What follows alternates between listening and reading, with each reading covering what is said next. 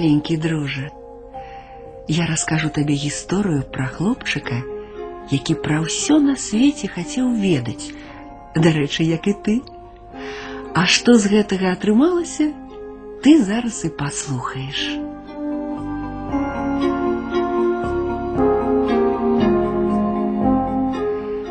Дык вось жыў на белым свеце хлопчык, які пра ўсё хацеў ведаць, ну, напрыклад, хто разгойдвае вялізныя дрэвы.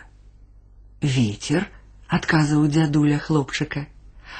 А хто запальвае на небе зоркі? Не сунімаўся малы. Прабач, унучак, разводзіў рукамі дзядуля.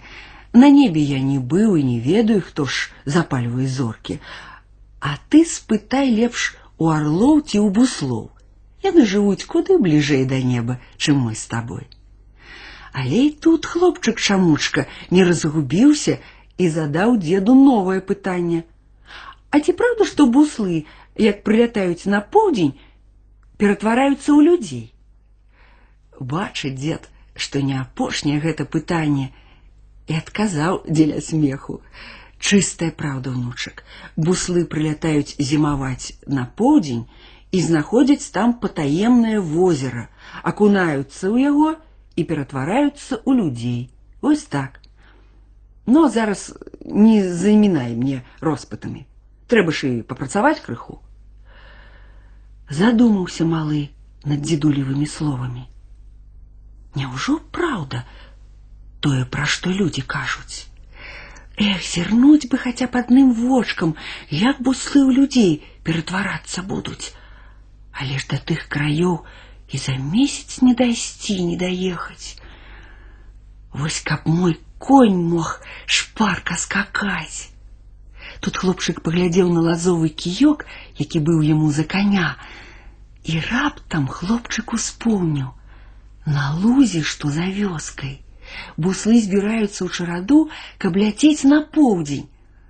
Паскачу на сваім кані і сам спытаю буслоў, ці сапраўды яны ў людзей ператвараюцца. Недоўга думаючы, малы асядлаў лазовы кіёк і паскакаў за вёску. А луг з зялёнага ператварыўся ўжо ў белы, столькі па ім шпацыравала буслоў. Яны час ад часу ўзнімаліся ў паветра, спрабуючы крылы і шчоўкалі доўгімі дзюбамі. Калі малы чамучка дабег да луга, бусліная чарада рабіла над зямлёю развітальны круг. Пачакайце мяне, закрычаў хлопчык, я хачу у вас пра нешта спытацца. Але буслы не пачулі хлопчыка і ўжо скіраваліся ляцець на поўдзень. І тут малы загадаў свайму лазоваму каню: Коню мой верны, дагані бусліную чараду. І вось дзіва, толькі ён так сказаў, як звычайны лазовы кіёк узняў хлопчыка ў паветра і паляцеў следам за бусліным клінам. Ажно дух заняло ў малога конніка. Так чамучка і паляцеў разам з бусламі на поўдзень. Доўга яны ляцелі ці не, мінаючы горы, лясы, моры і пустэчы, аднак нарэшце дасягнулі чысцюткага блакітнага возера. Буслы прызямліліся на ягоным беразе і ўвайшлі ў ваду. І толькі яны гэта зрабілі, як сапраўды ператварыліся у людзей. Апошнім з вады выйшаў важак чарады, сівабароды стары. Ён пільна агледзеў сваю чараду і заўважыў хлопчыка чамушку, які ўвесь час цікаваў за бусламі. Эге, дык ты чужак, За тое, што ты даведаўся пра нашу таямніцу, табе прыйдзецца лятаць разам з намі, але не на лазовым кіёчку, а як мы по буслінаму. І з гэтымі словамі стары адабраў малога яго лазовага коня, заплакаў тут чамучка горкімі слязамі, але што зробіш? І сівабароды важак вырашыў пакінуць хлопчыка пры сабе. Будзеш мне за ўнука, толькі глядзі, нікуды не збягай, праз паўгода нам дамоў ляцець. Так і застаўся малы чамучка жыць з важаком бусліныя чарады. Неўзабаве прайшло паўгода, і людзі буслы пачалі збірацца ляцець у родныя мясціны. Яны акунуліся ў возера і ператварыліся ў прыгожых белых птушак. Тое ж самае зрабіў і хлопчык, які адразу ж ператварыўся у маладое бусляня. Такім буслянём ён і завітаў у родны двор. Яго дзядуля ў гэты час корпаўся ў гародчыку і нешта мармытаў сабе пад нос. Дзядуля, я вярнуўся! Хацелася крыкнуць хлопчыку, але атрымалася нейкае клякатанне.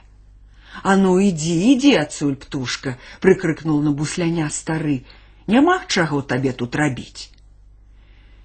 І замаркочаны буслік пашыбаваў да сваіх новых сваякоў. А ты ладзілі сабе новыя гнёзды, палявалі на жабак. Хлопчык бусляня таксама паспрабаваў злавіць якую-небудзь жабку, і неўзабаве яму гэта ўдалося.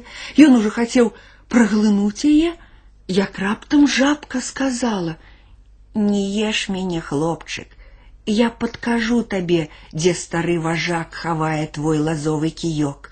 Ён уторкнуў яго ў сваё старое гняздо. Адшукай кіёк, і ты станеш назаўсёды чалавекам.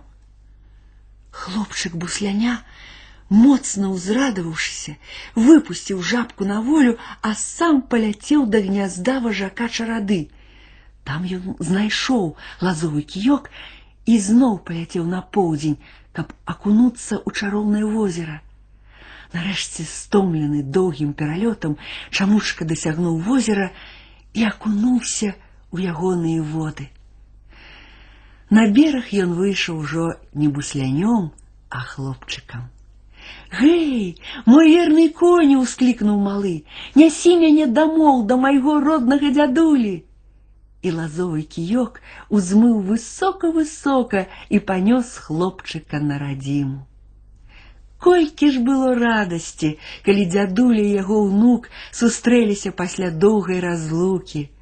А калі чамучка расказаў дзеду пра свае прыгоды, стары здзіўлена пачухаў патыліцу і прамовіў: « Што ж твоя навука была не вельмі лёгкая, а таму адказы на розныя пытанні лепей шукаць у кніжках, мой ты ўнучак.